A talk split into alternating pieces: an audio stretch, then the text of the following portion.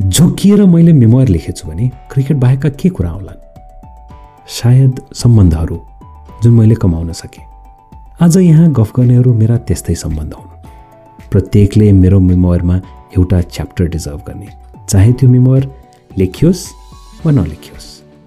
गुलजारको एउटा त्रिवेणी छ भिगा भिगा सा क्यों है अखबार? अपने हॉकर को कल से चेंज करो। पाँच सौ गाउँ बह गए इस साल। आज यहाँ आउनेहरू पनि कवि हुन्। अखबार वा भनौँ मिडियामै आफ्नो रोजीरोटी खोज्ने। साँच्चै यिनीहरूलाई क्रिकेटमा रत्तिभर पनि स्वाद छैन। यसलाई मेरै विफलता मानौँ। तर मैले यो पडकास्टको ट्रेलरमै भनेको छु। यहाँ क्रिकेटको मात्र गफ नहुन सक्छ। खाउ कर्नर नाम त प्रतीक हो। पारम्परिक रूपमै सबै काम चल्दैन भन्ने। आज काउ कर्नरमा जनक पौड्याल जोतारे धाइबा अर्थात् जीवन कार्की र रूपेश श्रेष्ठ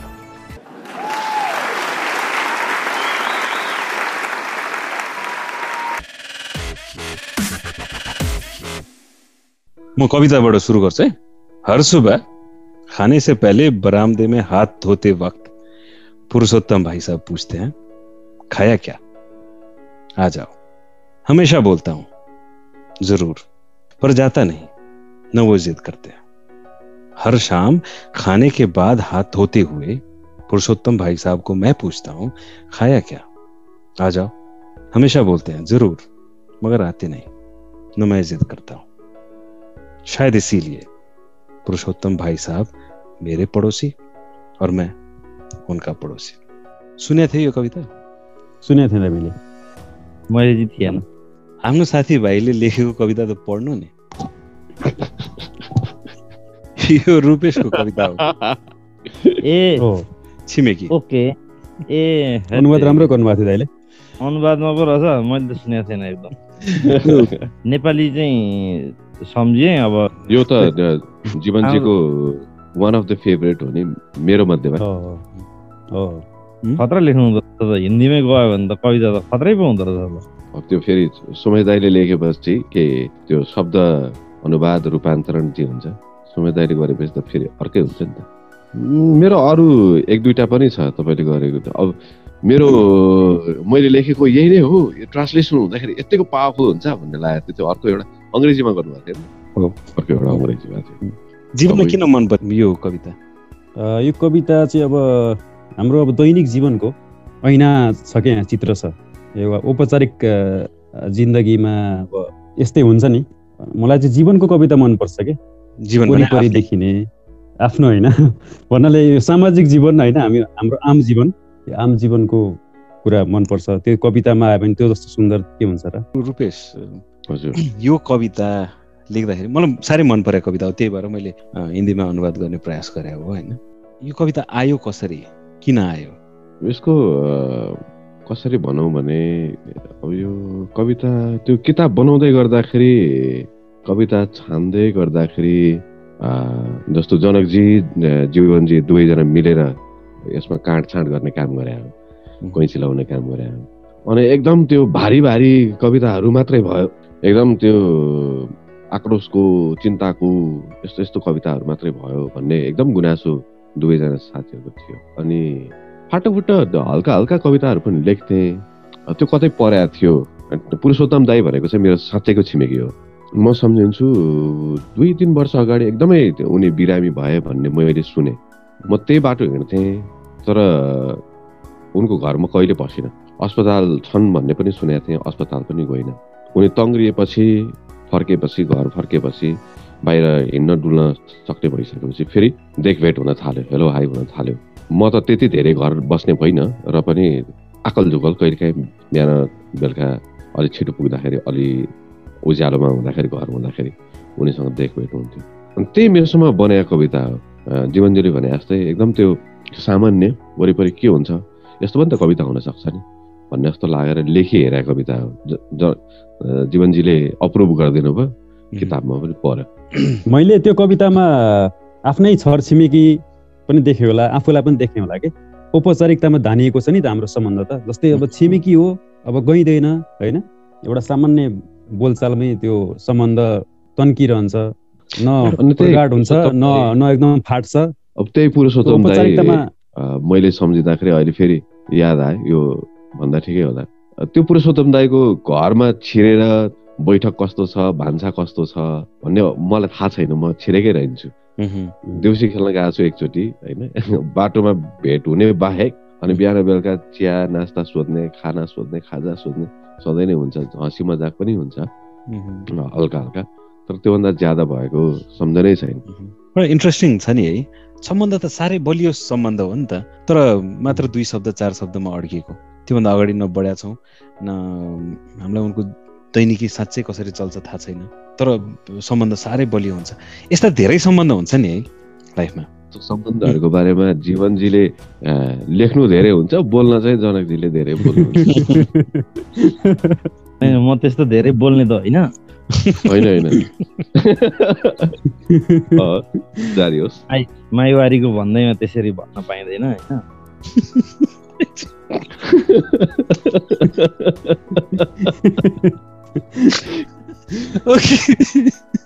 कस्तो कस्तो सिरियस कुरा भइरहेछ त्यो कविताको कुरालाई लिएर रुपेशीको होइन छिमेकी रुपेशीले आफूले कसरी लेखेँ पृष्ठभूमि बताउनु भयो जीवनजीले कसरी मन पर्यो भन्ने कुरा बताउनु भयो होइन। हाम्रो जीवन मतलब हाम्रो लाइफ कसरी चाहिँ यस्तो साँगुरिँदै साँगुरिँदै खुम्चिँदै खुम्चिँदै गइसक्यो भनेदेखि हामी अहिले अहिले मैले भन्दाखेरि त्यो सिरियसली हो भेट भइरहेछ जीवनजीसँग रुपेशीसँग कुराकानी पनि भइरहेछ तर हामी अहिले एउटा फोरममा यसरी तिनजना एकै ठाउँ छौँ नि। त्यसरी हामी एकै ठाउँ तिनजना भेला नभएको यहीँ काठमाडौँमा हुँदा हुँदै पनि लामो समय पुग्यो क्या। किनभने हुँ, त्यो चाहिँ हाम्रो लागि चाहिँ हाम्रो चाहिँ आवश्यकता हाम्रा समस्याले हामीलाई यसरी गाँच्दै अथवा यसरी एकल काँटे बनाउँदै लगिरहेछ कि अ, अनि हामी अरूको सुख दुःखको कुरा गर्ने जस्तो छिमेकीको कुरा गर्ने त्यो त्यसरी हामी अलिकति भन्छ नि भावनात्मक रूपमा अलिक बढी नजिकिने अनि जीवनका कुरा गर्ने जिन्दगीका कुरा गर्ने दुःखका कुरा गर्ने सुखका कुरा गर्ने अनि त्यो क्रम चाहिँ एकदम एक त सामाजिक सञ्जालले गर्दा हामीलाई देखिरहेछौँ भेटिरहेछौँ जस्तो पनि बनाउने तर मान्छे नभेट्ने मान्छेसँग कुराकानी नहुने त्यसरी अलिक डिट्याच हुँदै गइरहेछौँ कि भन्ने लाग्छ। त्यो कविताले समग्रमा मैले बोल्ने त्यो कविताले बताउन खोजेको थिम पनि मैले आफूलाई रिलेट गर्दा पनि त्यसरी पाउँछु तिम्रो काठमाडौँमै या त्यही उपत्यकामा हुँदाखेरि पनि भेट भइरहेको छैन त्यो छैन। आफ्नो व्यस्तता हो। त्यही भएर क्याफे कविता मारिदिएको। यो चाहिँ अलिक यसको जवाफहरू चाहिँ सबैभन्दा धेरै जीवनजीसँग छ। उहाँले पहिला त्यो प्रतिवेदनै बनाउनु भएको थियो जस्तो लाग्छ। प्रतिवेदन क्याफे कविताको हत्या किन र कसरी गरियो भन्ने? किन हत्या गरिनुपर्छ? वा पुनर्जीवन पायो भने वा पुनर्जीवन पाउन लायक छ कि छैन? यदि पुनर्जीवन दिने हो भने के कसरी दिने? हत्या गर्ने तौर तरिकाहरू के के हुन सक्छन् भन्ने बारेमा लामो परामर्श विशेष गरी जीवनजी र मेरो बिचमा चाहिँ भएको हो। त्यसको बारेमा प्रतिवेदन जीवनजीले बनाउनु भएको छ। अनि प्रतिवेदन बनाएर अनि घाँटी ठ्याक्कै न्याकेर मारिदिइहालेको? जीवनजी भनिदिनुहोस् त। म म बिचमा अलिकति भन्छु ल. त्यसो भनेदेखि साथी साथीहरूले षड्यन्त्र गरेका रहेछन्। हामी जम्मा चारजनाको क्याफे कविता हो? क्याफे कवितामा हामी अहिले यहाँ क्याफे कवितामा भएका रूपेशी जीवनजी म अनि हाम्रो अब कमल कुमार एकजना। कमलजी पनि क्याफे कविताको सुरुवात गर्ने मध्येको एकजना होइन। अब अहिले भन्दाखेरि चाहिँ रूपेशी र जीवनजी बिचमा अलिक घनीभूत छलफल भएको रहेछ। मलाई चाहिँ पछि कुरा गर्दाखेरि अँ, यो स्थगित गरौँ भन्ने हिसाबले कुरो आयो होइन? यो त हत्या गरौँ भन्नेसम्मको कुरा चलाइसकेका छन् साथीहरूले। यो चाहिँ मलाई पनि गुमराहमा राखेको हो कि हो? कुरा मैले अलिक बुझिनँ। म त स्थगित छ अहिले पनि हत्या भइसकेको छैन क्याफे कविताको क्याफे कविता अहिलेसम्म स्थगित हो। फेरि त्यो क्याफे कविता जीवित हुन सक्छ अथवा त्यो बौरिन सक्छ भन्नेमा त म अहिले पनि तयार छु फेरि त्यो विषयमा त। जीवन जवाफ छ अरे नि त। अनि यो क्याफे कविताको यो हत्या नै भएको भन्ने कुरा निर्मम रूपमा नभनौँ यो स्थगित अलि नै गर्ने भन्ने खालको कुरा हो। अब एउटै खालको कार्यक्रम भयो एउटा समयमा अनि अब केही समय थाँती राखेर अलि नयाँ रूपमा नयाँ शैलीमा कार्यक्रम गरौँ भन्ने खालको हाम्रो सरसल्लाह भएको हो। त्यही अनुसारले अब थाँती राख्दा राख्दै अलिकति समय चाहिँ लम्बिएको हो। त्यसले चाहिँ अब साँच्चै मारेको हो कि भन्ने खालको शुभचिन्तक क्याफे कविताको शुभचिन्तक साथीहरूमा कविहरूमा चाहिँ त्यस्तो फिल भइरहेछ। त्यो फिल चाहिँ अब गर्नु भएन त्यस्तो। एकदम सरकारी टाइपको आन्सर आयो कि? यो यस्तो हो। क्याफे कविताको सुरुवात नै एक- एकदमै इन्फर्मल तरिकाले भएको हो। त्यो इन्स्टेन्टली फ्याट गर्ने हो त। ल गरौँ भन्ने हिसाबले सुरु भएको हो। त्यो गर्दै गइसकेपछि अब नियमितता दिउँ भन्ने कुरा हुन थाल्यो। त्यो कतिपय छलफलमा तपाईँ आफै पनि हुनुहुन्थ्यो सुमिता आफै पनि हुनुहुन्थ्यो। अनि हामीले कसरी गर्ने यसलाई कसरी अगाडि बढाउने महिना महिनामा गर्ने कि दुई महिनामा गर्ने कि तिन महिनामा गर्ने कि गरिरहँदाखेरि त्यसको प्रोसिड्युर कस्तो हुन्छ त्यसको प्रोग्रामको नेचर कस्तो हुन्छ ढाँचा कस्तो हुन्छ भन्ने बारेमा नि हामीले छलफल गऱ्यौँ। सुरुवात हुँदाखेरि त्यो अपरझट इन्स्टेन्टली बिना कुनै तयारी सुरु भयो तर बिस्तारै त्यो योजनाबद्ध औपचारिक हुँदै जा गइसकेपछि कतै कतै हाम्रो आफ्नै ऊर्जा पनि हराउँदै गयो। जस्तो जागिर ठान्न थालियो भने कामहरू काम हुँदैनन् जागिरै मात्रै रहन्छन्। करिब करिब पछिल्ला दिनहरूमा आएर हामी चारैजना को कतै न कतै अलिअलि त्यस्तो खालको भाव उत्पन्न हुँदै गयो। नयाँ कुरा नहुन थालिसकेपछि एक्साइटमेन्ट नहुन थालिसकेपछि त्यो कुरा मर्दै जाँदो रहेछ। हत्या भन्ने अर्थमा चाहिँ जस्तो जीवनजी र म बिचमा चाहिँ अलिकति किन कुरा भयो भनेदेखि कमलजी कमल कुमार अ, सँग भेट हुन एकदमै गाह्रो। पछिल्लो समय त भेटै भएको छैन। जनकजीसँग भेट हुँदाखेरि अगाडि चालिस मिनट आधी घन्टा ग्रेस सधैँ नै पाउने। अब त्यो ग्रेसमा जीवनजीसँग कुरा हुने हो। अनि त्यो ग्रेसमा भएको कुराकानीमा जीवनजीले भनेको कुरा एउटा मलाई त्यति बेला जचेको कुरा चाहिँ के हो भने कविताको आँखाबाट। क्याफे कविता गरेर कवितालाई चाहिँ के भयो त? कविहरूलाई के राम्रो कुरा भयो त? के हामीले नयाँ साँच्चै राम्रो कविता लेख्ने मान्छेहरू जन्मायौँ त? वा केही नयाँ राम्रा कविताहरू सुनाइए त? भन्ने क्वेसन पनि त्यो भ्यालिड क्वेसन थियो। अनि सँगसँगै दाइले भने जस्तो चारजना चारतिर भइसकेपछि अब भेट्नै मुस्किल छ। त्यो भइसकेपछि अनि एउटा कार्यक्रम तत्काल गरौँ भनिरहँदाखेरि त्यसका केही संयोजनका पाटाहरू पनि हुन्छन्। अब लाइभ गर्ने भन्ने यसको विशेषता थियो। उति बेला लाइभ गर्ने भन्ने एकदमै ठुलो कुरा थियो। अहिले फेसबुकमा जुममा लाइभ गर्न सजिलो छ युट्युबमा लाइभ गर्न सजिलो छ। उति बेला फ्री कहाँबाट लाइभ गर्न पाइन्छ भनेर हेरिन्थ्यो। इन्टरनेट पनि सजिलो थिएन। त्यो एउटा ठुलो कुरा भएको भएर त्यो एउटा क्यारेक्टर थियो। अनि कहाँ गर्ने अनि चिया कसले खुवाउने कफी कसले खुवाउने पकेटबाट हामीले सक्छौँ सक्दैनौँ लगायतका कुराहरू। पोस्टर कसले डिजाइन गर्ने फोटो कसले हाल्ने युट्युबमा भिडियो हाल्न भ्याउँछौँ कि भ्याउँदैनौँ एडिट गरेर हाल्ने कि टाइटल राम्रो लेखेर हाल्ने कि लगायतको अनेक त्यो प्री र पोस्ट तयारी र हुन्छ नि प्रोडक्सनका कामहरू पनि अनेक हुन्छन् नि। यो सबै कामहरू बढ्दै गयो भनौँ न। हामीले रेस्पोन्सिबल ज्यादा हुँदै गयौँ। अनि त्यो हामीले थेग्न नसक्ने खालको जिम्मेवारीहरू पनि बढ्दै गएको पनि देखियो। अब मेरो पालो छ है। प्लिज अब खासमा यो। क्याफे कविता हामीले चाहिँ अब कति बाह्र डिसेम्बरको बाह्रदेखि सुरु गर्ने क्याफे कविता नाममै चाहिँ त्यो पछि सुरु भयो होइन? अन्त यो नाम राख्ने क्याफे कविताको नाम राख्ने स्वयं दाई स्वयं आफै हो होइन। त्यसो गर्दा आज आज हामी तिनजना तिनजना बसेर अब आपकी अदालतमै भने जस्तो सोमेश दाईले लाठो लाउनु सोध्नु गरी सोध्न सक्नुहुन्छ। किनभने त्यो हक छ सोमेश दाईलाई। क्याफे कविता भन्ने नाम रकै सोमेश दाईको कारणले हो। त्यो भएर मैले यहाँ के भन्छु म जे बोल्छु त्यो सत्य बोल्छु। के भन्ने छ नि एउटा गीत के बोल्दिनँ भन्ने जस्तै। मैले हाम्रो बिचमा भन्नुपर्दा खास क्याफे कविता किन बन्द भयो भन्ने हो भनेदेखि चाहिँ क्याफे कविता चाहिँ जति ऊर्जाले धाने हामीलाई जति त्यो हाम्रो कविता लेख्ने र त्यो हुटुटीले जतिसम्म ठेल्यो अगाडि लान सक्थ्यो त्यतिसम्म हामीलाई लगेकै हो। सोह्र महिना हामीले गरेकै हो। पोखरा गयौँ इटरी गयौँ भ्याली बाहिर पनि प्रोग्रामहरू गरेकै हो। क्याफे कविताबाट केही राम्रा मान्छेहरूले प्लेटफर्म त्यो प्लेटफर्म युज भएर साथीहरू अगाडि आएका पनि छन् नआएका होइन। मलाई चाहिँ जीवनजीले र रूपेशीले त्यत्रो जस्तो खास गरी जीवनजीले चाहिँ अलिक बढी कविताको चिन्ता लिनुहुन्छ क्या। कविताको स्तर। यो कस्ता आए भनेर जीवनजीबाट त्यहाँ टाउको दुखाउनुहुन्छ क्या जीवनजीको टाउको छिटामा खाने गरी दुखाउनुहुन्छ कहिले काहीँ होइन? अब मलाई चाहिँ त्यस्तो लाग्दैन क्या राम्रो स्तर नाप्ने हामीको हो र भन्ने। मान्छेले कविता लेख्छ लेख्छ ओके। सुनाउन त रहर गर्छ सुनाउँछ ओके। एकै शैलीमा सुनाइन्छ ओके। प्लेटफर्म चाहिँ त्यो हुनुपर्छ भन्ने हो प्लेटफर्म। थियो पनि। अनि स्तर त हामीले नाप्ने होइन। स्तर त आफै त्यहाँबाट राम्रो फिल्टर हुँदै मान्छे कन् निरन्तरता दिने मान्छे त अगाडि बढिहाल्छ नि। अब हामीलाई हामीले स्तरको लेख्न सके लेख्ने सुनाउने नसके अर्को सुन्ने खुसी हुने। मेरो चाहिँ लाइन हो।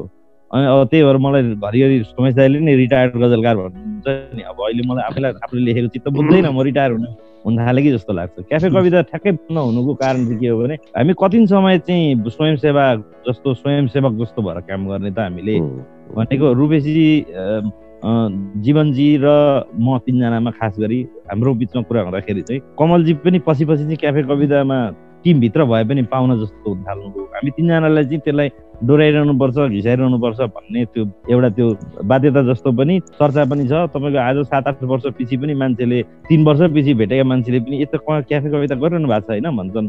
भनेपछि डेढ वर्ष सोह्र महिना क्याफे कविता गरेर छोडेको त्यसको भाइब्रेसन अहिलेसम्म छ भनेपछि हामीले राम्रै काम गरेर छोडेका राम्रै काम गरेर स्थगित गरेका रहेछौँ भने पनि। तर खास चाहिँ स्वयंसेवा कति गर्ने त? एउटा सीमित तलब खाएर जागिर खाएर बसेका छौँ कुनै ठुलो आम्दानी भएका मान्छे होइनौँ हामी। अनि हामीले कोसिस पनि गरेँ कसैले स्पोन्सर गर्छ भने नियमित गर्ने कि भनेर। अनि सधैँ अब कफी कविले आफ्नो कफीको पैसा आफै तिर्ने भन्ने हो नि त त्यहाँको शर्त। अनि लास्ट जी त्यो भा इन्डियाबाट तिनजना पाँचजना कवि मनोज बोगटीहरू आएको बेला र यताबाट पाँचजना गरेको बेला हामीले झन्डै सात आठ हजार कति पैसा तिर्यौँ पनि गएर त्यहाँ बाँकी। पकलले कफी खाएको पैसा तिर्नु भएन पछि त हाम्रो घाटमा पऱ्यो अनि त्यो चाहिँ हामीलाई कति भार बोक्न सक्छौँ त? महिनाको हजार पन्ध्र सय रुपियाँ खर्च हुन्छ भने त ठिकै छ भन्ने हुन्थ्यो होला होइन? अनि पछि चाहिँ हामीलाई एक त एकै एकै टाइपको भयो मोनोटोनस हुँदै पनि गयो त्यसमा भेराइटिज आइरहेको छैन भन्ने चिन्ता। अनि सँगसँगै अर्को चाहिँ अब क कहिलेसम्म हामीले स्वयंसेवा गर्ने त भन्ने त्यो पैसा कति खर्च गरिरहने भन्ने चिन्ता। त्यो दुइटाले नै हाम्रो ऊर्जा मर्दै गयो क्या। त्यसले गर्दाखेरि चाहिँ अहिले स्थगित गरौँ स्थगित गर्दा हामी टक्क यो बन्दै गर्छौँ भन्नेमा थिएनौँ दुई चार महिनापछि त्यसलाई अलिक रिभाइभ गरेर नयाँ ढङ्गले लैजान्छौँ है भन्ने सम्बन्धको सोचाइले नै स्थगित गरौँ भन्ने थियो। तर त्यो यसरी स्थगित भयो कि अब त्यसपछि हामी पनि फेरि एउटा संस्थाबाट फरक फरकतिर बाटो आफ्नो आफ्नोतिर कामतिर लाग्यो होइन। त्यसले गर्दा भेटेर सल्लाह गरौँ अगाडि बढौँ भन्ने त्यो चाहिँ अलिक हुँदै गएर क्याफे कविता लगभग बन्द हुने अवस्थामा पुगेर बन्दै भयो। अब अन्तिम भनेको चाहिँ हामीले गऱ्यौँ होइन रुपेशी जस्टिस फर निर्मला लागि क्याफे कविता छुट्नै सडकमा हामीले कविताको प्रोग्राम गऱ्यौँ। त्यसपछि चाहिँ हामी लगभग सुस्ताकै छौँ सेलाकै छौँ। त्यो पनि दुई वर्ष भयो। दुईजना या अझ बढी मान्छे भेट हुन्छन् अनि एउटा सम्बन्ध सुरु हुन्छ होइन। सम्बन्ध त्यति बेला बडा ब्युटिफुल हुन्छ कि एकदम सुन्दर। त्यो सम्बन्ध अलि अगाडि बढेपछि हामी त्यसलाई नाम दिन्छौँ कि सम्बन्धलाई। नाम दिइसकेपछि त्यसका औपचारिकताहरू हुन्छन् व्यवहारिक पक्षहरू हुन्छन्। त्यसले बाँधिन्छ र त्यो सम्बन्धको जुन सुन्दरता छ ब्युटी हराउँदै जान्छ कि। सही हो। क्याफे कविता मोनोटोनस हुनु पहिलाको जस्तो हुटुटी कम हुँदै जानु एउटा त्यो त्योसँग मिल्या जस्तो लाग्यो मलाई। सुरुमा चाहिँ यो अलिकति इनोभेसन नै भयो। हामीले जे जे गर्थ्यौँ त्यसकारण। किनभने रेस्टुरेन्टमा कफी खाँदै कविता सुनाउने भन्ने कुरा त्यति बेला अनौठो कुरा थियो। कविताहरू वाचनालयमा कलेजका लाइब्रेरीहरूमा वा प्रज्ञा भवनमा सुनाइने। अनि एक त त्यो कविले कफी खान्छ भन्ने नै मान्छेलाई नपर्दो रहेछ कफी महँगो हुने। अनि त्यो त्यो माथि हामीले ठमेलमा गऱ्यौँ सुरुमा। त्यो अलिक अनौठो भयो त्यो रमाइलो भयो। फिडब्याकहरूले पनि रमाइलो दिइरह्यो पछि पछि तपाईँले भने जस्तै ट्याक्कै नयाँ के त? त्यसपछि के त? वाट नेक्स्ट के भयो त? के फरक पर्यो त? भन्ने क्वेसनहरू पनि हुँदै गयो। त्यो के फरक पर्यो भन्दै गर्दाखेरि त्यो आफैलाई गर्ने क्वेसनहरू अनि त्यहाँ आउने कविहरूको क्वेसनहरू उनीहरूमाथि हामीले सोच्ने क्वेसनहरू लगायतका थुप्रै क्वेसनहरू आउँदै गएको छ।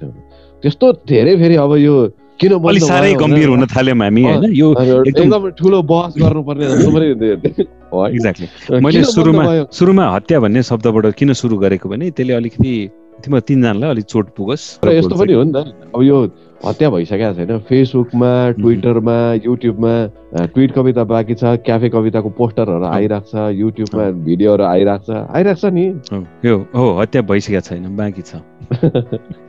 एउटा रुटिन जस्तो पनि भयो हामीलाई अब महिना पछि हामी गर्थ्यौँ होइन? समयको संयोग मिलोस् नमिलोस् समय अब तारतम्य मिलोस् नमिलोस्। हामीले महिनामा अब समय हुन लागेपछि अब त्यो जसरी हुन्छ चाँचो पाँचो अब तयारी एकदम राम्ररी गरेर हुन्छ।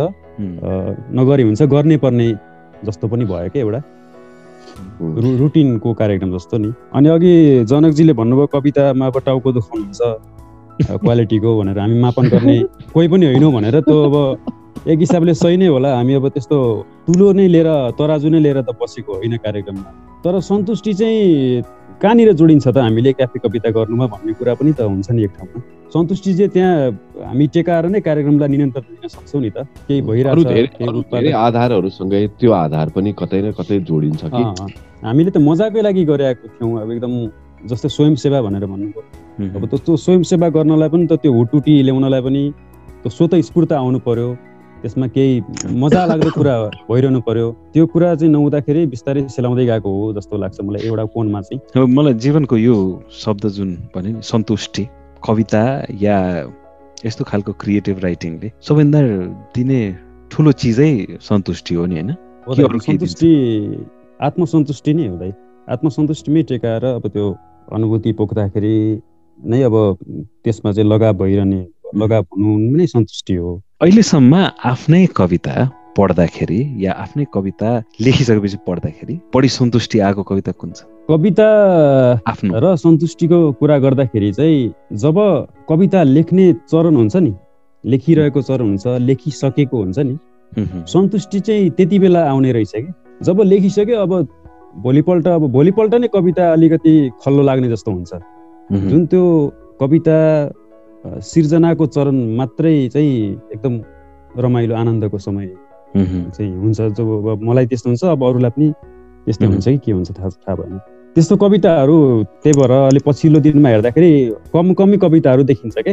अहिलेसम्म आउँदाखेरि धेरै कविताहरू लेखियो होला तर आफूसँग बाँकी रहेका जुन पहिला कागजमा लेखिन्थ्यो त्यो चाहिँ आफूले सुरक्षित राखेका कमै छन् के?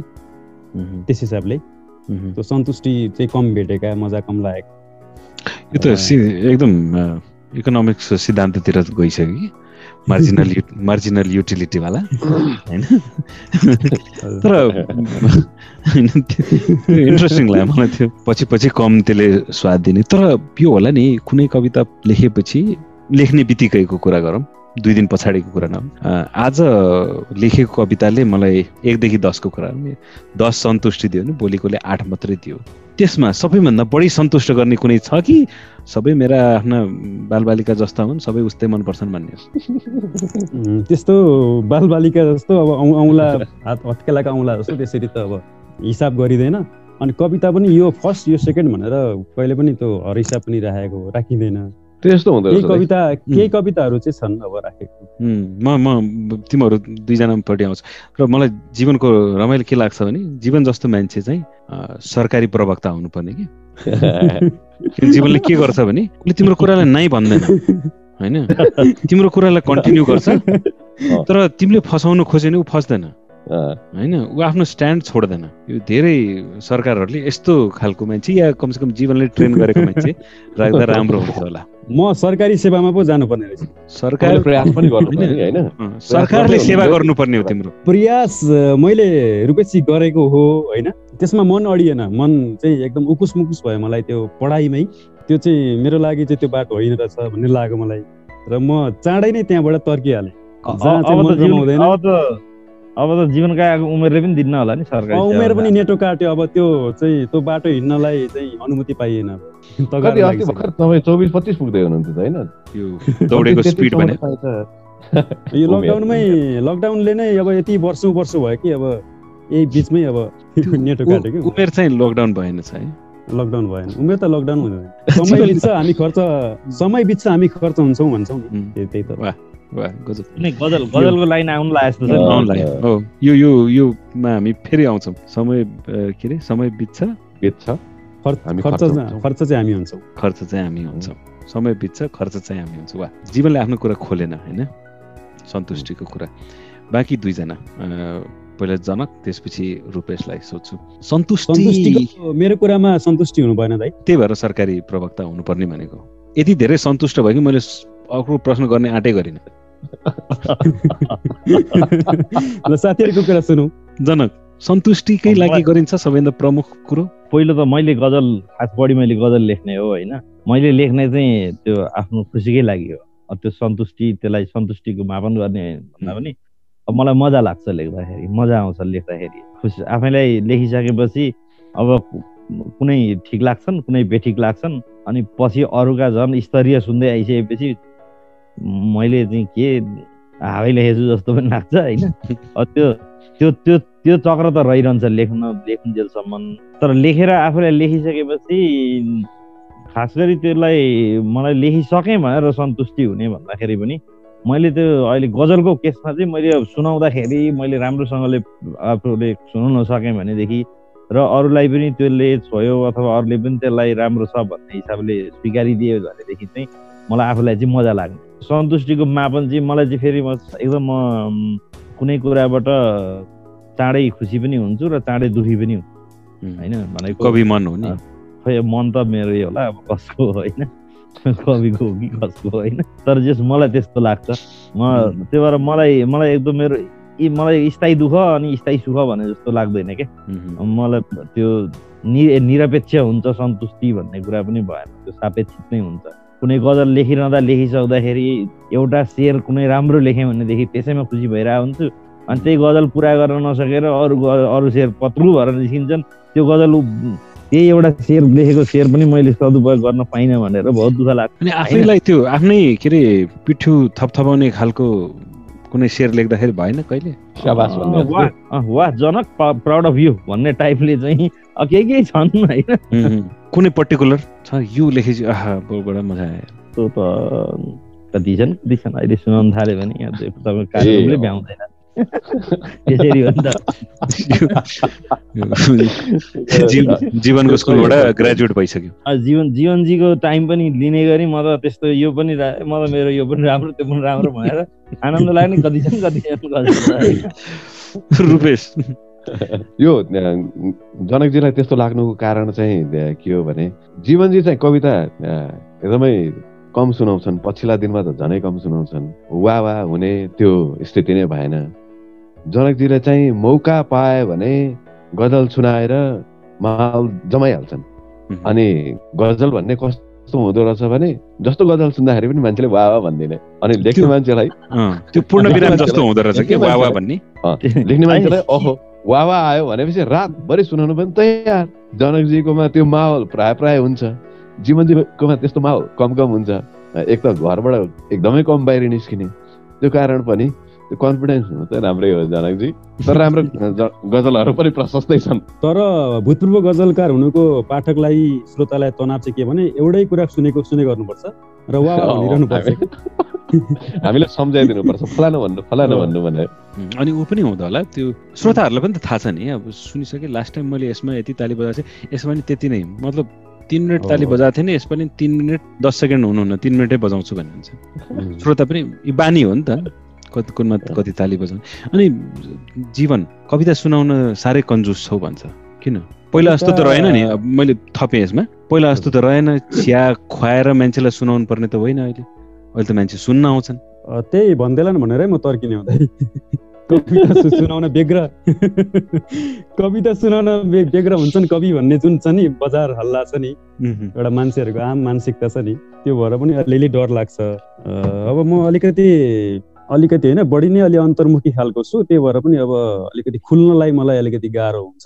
कार्यक्रमहरूमा अब अघि रूपेशीले भन्नुभयो कम निस्किनुहुन्छ भनेर त्यही कम निस्किएर पनि अलिक सुनाउने मेसो नमिलेको हो। तर सुनाउन लेख्ने लेख्ने यो कविता खास कविता किन कुरा गरेको छौँ तिनजना कवि छन् यहाँ। त्यसमा क्रिकेटमा नि इन्ट्रेस्ट छैन कसैलाई। कुनै कविता त मैले पनि लेखेको छु दाइ केही केही गजलहरू।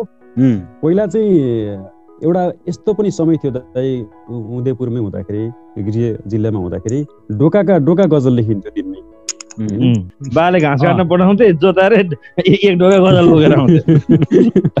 घाँस काट्न घाँस काट्न ठगेर अब गजल लेखेर बसियो होइन? दिनमा पाँच छवटा गजल लेखिने भेलबाडी नै आउने गजलको गजलमा भेलबाडी भन्ने एउटा समयमा निकै चर्चित थियो कि नि। कहाँ गए ती? ती गजलहरूमध्ये त्यही अब भोलि पर्सिपल्ट अलिक कम कम मनपर्ने अब स्वाद कम हुँदै जाने भने जस्तै। त्यसबाट छानिएर केही गजलहरू चाहिँ मैले मसँग अझै पनि सुरक्षित छन् अनि सुरक्षित चाहिँ के? ब्याङ्कमा राखेको? ब्याङ्कमा लकर लिएर? अहिले यो आफूसँग अब कुनै त्यस्तै अब म माहौलमा सुनाउनु पर्ला भनेर यो यो। कुराले एउटा सम्झायो कि मलाई? अब यो नाम नलिकन भन्छु होइन कुनै प्रकाशकको कुरा हो। नेपालको नाम चलेको पत्रिका या अखबारका प्रकाशक। उनले उनीसँग कुरा हुँदाखेरि उनले के भन्यो भने जबसम्म छापिँदैन तबसम्म यो अखबार मेरो हो छापिएपछि यो पब्लिकको। मलाई नि के लाग्छ भने यो कविता या कथा लेखकको या कविको सीमित अधिकार हुन्छ त्यसमा। अफकोर्स अधिकार त भइहाल्यो आफ्नो सर्जक भएपछि। तर सीमित अधिकार हुन्छ। लेखेर कागजमा आइसकेपछि पब्लिकको पनि अधिकार हुन्छ त्यसमा। अनि मैले सुरक्षित राखेको छु कसका लागि राखेको छु? सुरक्षित राखेको छु म पब्लिकलाई देखाउँदिनँ। यस्तो भन्न पाइन्छ। होइन दाइ अब यो फुटको रूपमा त यी गजलहरू आइसकेका छन्। किताबको रूपमा पुस्तकका रूपमा मात्रै नआएको। अब गजलको किताब निकालु भनेर अलि अगाडि केही साथीहरू बाबु त्रिपाठी लगायतका साथीहरूले पनि हुटुटी दिनुभएको थियो। तर त्यही अघि सन्तुष्टिकै कुरानिर सन्तुष्टिको कुरा यहाँनिर जोडियो। के जोडियो भने अब गजलको किताब निकाल्नलाई निश्चित सङ्ख्यामा चाहियो गजलहरू। अलि आफूलाई फेरि अलि उम्दा उम्दा नै राखेर निकाल्न निकाले किताब निकालेपछि अलिक गतिले निकाल्नुपर्छ भन्ने लाग्ने। अनि त्यो सङ्ख्या उत्तिकै उम्दा गजलको सङ्ख्या नपुगेकाले अलिकति हच्केर बसेँ म। र त्यही भएर खुद्रा खाद्री गजलहरू मसँग छन्। ती चाहिँ अब आएका छन् कतै अब अनलाइनमा अनलाइन पोर्टलहरूमा आएका छन् कतिपय पत्रिकामा आए विगतमा। दुईजना यसमा सहमत हो। बाँकी दुईजना? मेरो फरक छ ल।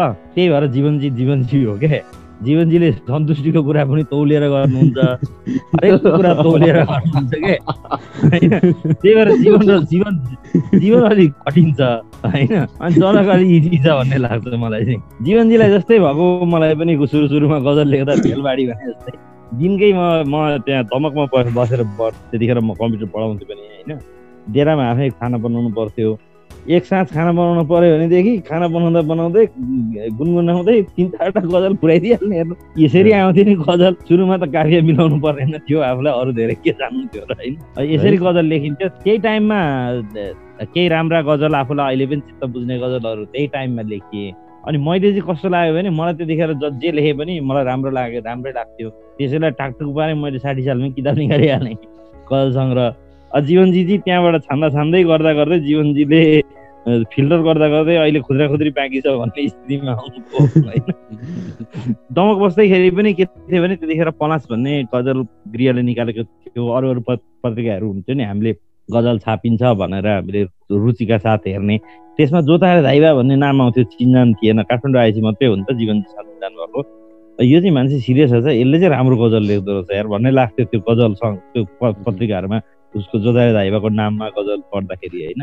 त्यतिखेर पनि जीवनजीले छानेर यो मात्रै पठाउँछु यो चाहिँ उत्कृष्ट भनेर पठाएको त पक्कै होइन होला। त्यतिखेर लेखेका आका मध्येबाटै पठाइरहेको गजल थियो होला।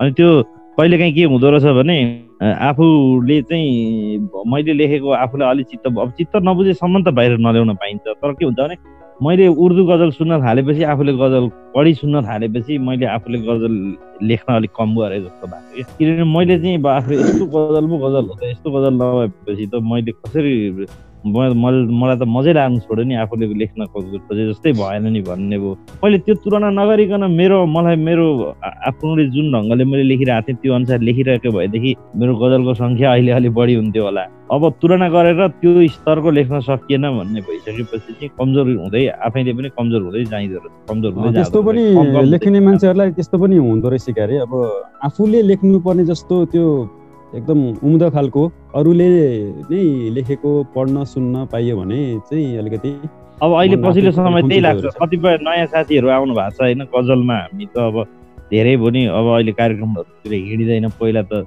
कहाँ चाहिँ कार्यक्रम छुट्याइयो होला र होइन? जहाँ पनि गइयो कार्यक्रममा जहाँ गएर पनि सुनाइयो। अहिले हिँडिँदैन कार्यक्रममा गजल भनेरै एक एक तागदा काठमाडौँमा गजल भनेरै हिँड्यो भने त। गजल गजल गजल भनेर। मण्डली भन्ने संस्था बनाइयो। यसरी हिँडियो कि रेडियोको एफएम पनि छोडिएन काहीँ कार्यक्रम छ स्कुलमा कार्यक्रम छ भने पनि छोडिएन होइन? अनि यसरी गजल सुनाउँदै हिँडिन्थ्यो। मलाई चाहिँ के छ भने म राजधानी दैनिकमा पचपन्न सयको तलब खान्थेँ तर हाम्रो गजल अनाम मण्डलीले किताब निकाल्ने भनेर भन्दाखेरि मेरो आफ्नो त पहिल्यै निकालिसकेको थियो साथीहरूको किताब निकाल्ने राष्ट्रिय गजल महोत्सव गर्ने भनेर भन्दै गर्दा दस हजार रुपियाँ पैसा मैले खोजखाज पारेर संस्थालाई दिएको छु। भनेपछि त्यो हुटुटी थियो।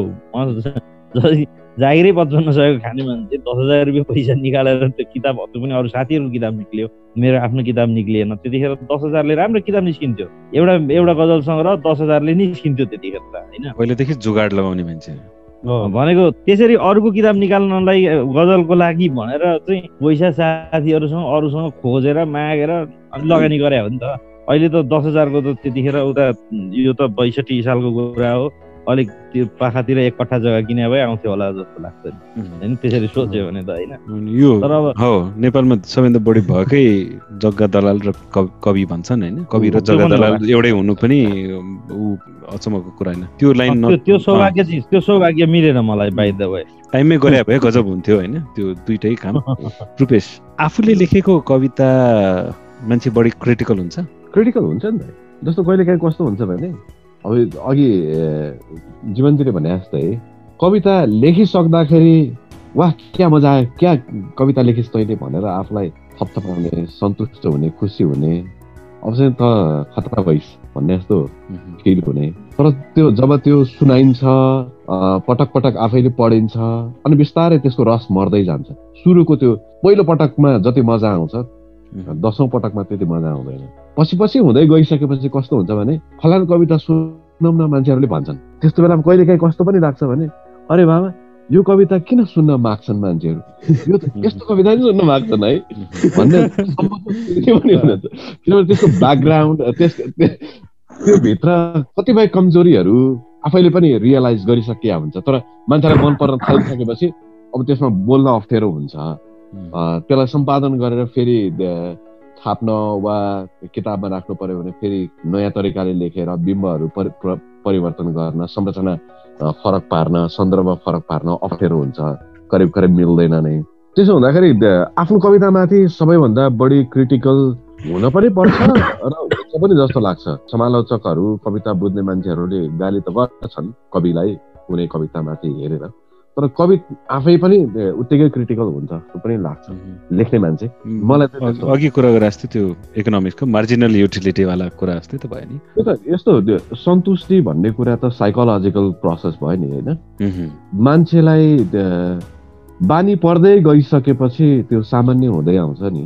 त्यो जीवन जस्तै त हो नि। आज पहिलो पटक कुनै ठाउँ जाँदाखेरि मानौँ भनौँ न नयाँ ठाउँ जाँदाखेरि ओहो यो त नयाँ ठाउँ कति राम्रो ठाउँ भन्ने हुन्छ। भोलिपल्ट जाँदाखेरि हिजो र आजमा तुलना हुन्छ। हिजो जस्तो चाहिँ देखिएन आज किन भनेर खोज्न खोजिने सुरु हुन्छ? पर्सिपल्ट जाँदाखेरि म तिन तेस्रो पटक भइसक्यो यहाँ आएको। यो त सामान्य कुरा हो। मैले हरेक दिन देखिराखेको छु भन्ने हुन थालिहाल्छ। त्यसपछि अब त्यो सामान्य सामान्य भन्दा तल के हुन्छ? त्यो लाग्न थालिहाल्छ। जस्तो हामी हिमालमा जान्छौँ नि हिमाल हेरेर कम्ती दङ्ग पर्छौँ त हामी। ओहो फोटो कति खिच्छौँ? त्यहाँका मान्छेलाई त्यो हिमाल देख्न पनि मन लाग्दैन। वाक्कै हुन्छ। जनकजीले भन्ने जस्तो कुकुरले खाइ नसक्दा हिमालहरू देखेर होइन मान्छे- मान्छेहरूलाई दिकै हुन्छ नि साइकोलोजिकल प्रोसेस हो यो सेटिस्फ्याक्सन सन्तुष्टि आनन्द भन्ने कुरा मलाई चाहिँ जस्तो लाग्छ त्यो एकदम स्वाभाविक नै हो. अब त्यसमा क्वेसन गर्नुपर्ने अथवा त्यो अनौठो हो भन्ने जस्तो मलाई लाग्दैन. लेखक चाहिँ आफ्नो सिर्जनामा निर्मम नै हुनुपर्छ जस्तो लाग्छ आलोचनात्मक हुनुपर्छ। त्यसले गुणवत्ता गुणस्तर चाहिँ ल्याउँछ होइन? व्यक्तिलाई पनि आफ्नो कमजोरी आफूलाई थाहा हुन्छ नि त सबैभन्दा बढी। सिर्जनामा पनि निर्मम हुन सक्यो भने अब त्यसमा केलाउन सकिन्छ आफूले आफूलाई आफ्नो सिर्जनाको कमजोरीहरू थाहा हुन्छ। त्यसले चाहिँ अर्को नयाँ सिर्जनाको लागि चाहिँ अब अलिकति बाटो फराकिलो पार्छ। कविले निर्मम हुने कुरा नगरौँ न होइन होइन त्यो समय नै निर्मम छ जनकजी। जीवन नै निर्मम छ। जीवन। निर्मम मेरो कविता जीवनजीले हेर्दै गर्दाखेरि त्यो दुई तिन पटक हामी बस्यौँ नि होइन। अनि सोच्दा कस्तो हुन्छ भने यो किन लेखे यो किन यति लामो छ? भनेर जीवनजीले सोधा सोधै गर्नुहुन्थ्यो कि। मलाई थाहा छ कि त्यो लामो भयो काट्नुपर्छ। त्यही भएर त म मलाई काट्न मन लाग्दैन।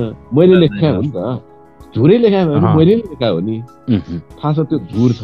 त्यही भएर त तपाईँ काट्नुहोस् यो मजाले काट्नुहोस्। जहाँ जहाँ मन लाग्छ काट्नुहोस्। केही भन्ने भन्ने स्थिति बनेको थियो क्या काट्ने भन्ने कुरो चाहिँ के हुन्छ भने अरूले काट्दै ठिक हो आफ्नो आफूले लेखेको चिज अथवा आफूले गरेको चिज होइन। अब मानिलिउँ सोमेश दाईले त अब हामी कान्तिपुर टिभीमा भनेको टिभीमा सँगै काम गऱ्यौँ नि त होइन। मानिलिउँ उदाहरण है सोमेश दाईले कुनै टक्सो गरिरहनु भएको छ उहाँलाई आफै बसेर चाहिँ अब यो पचपन्न मिनट भयो यसलाई पैँतालिस मिनटमा झारौँ भन्नुभयो भने सायद उहाँले आफूले बोलेको अलिक कमै काट्नुहुन्छ होला।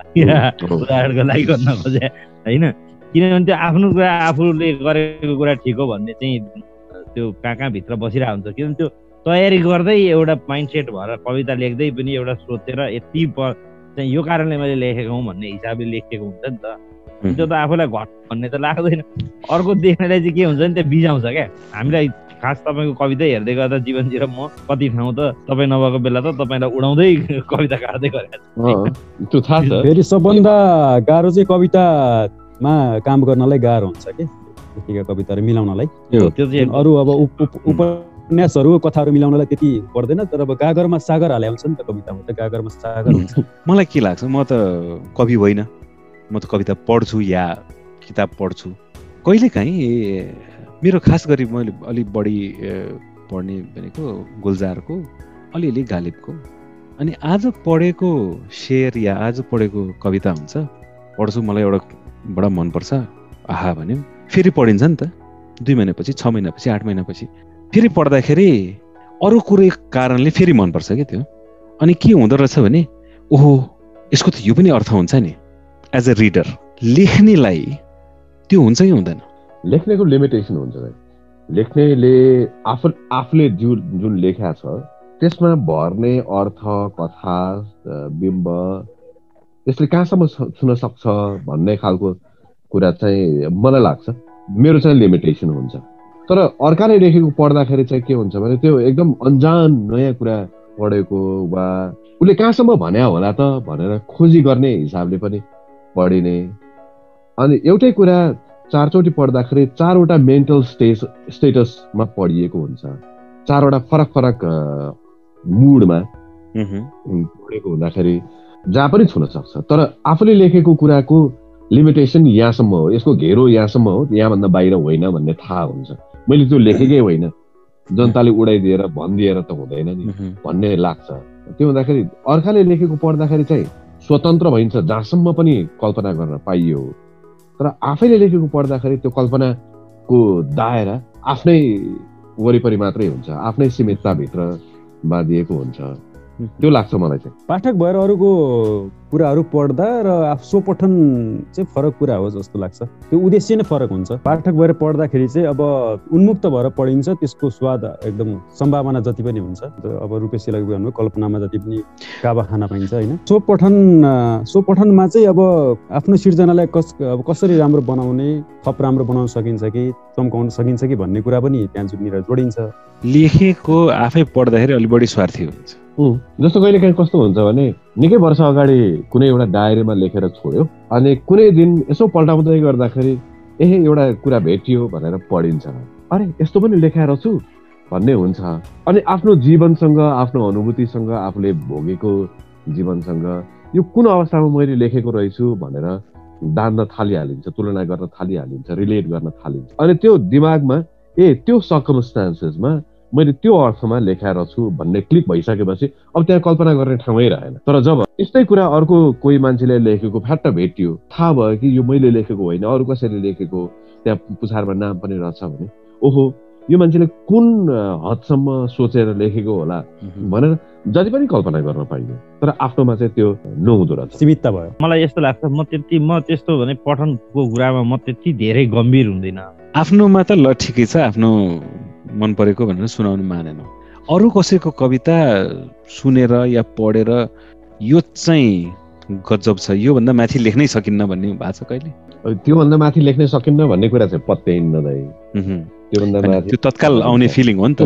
गजब लाग्ने भन्ने त हुन्छ दाइ तर अब गजब लाग्ने। सीमितता त कहाँ हुन्छ र? त्यो त अब हरेकले हरेक हिसाबले निकै हदसम्म लेख्छन्।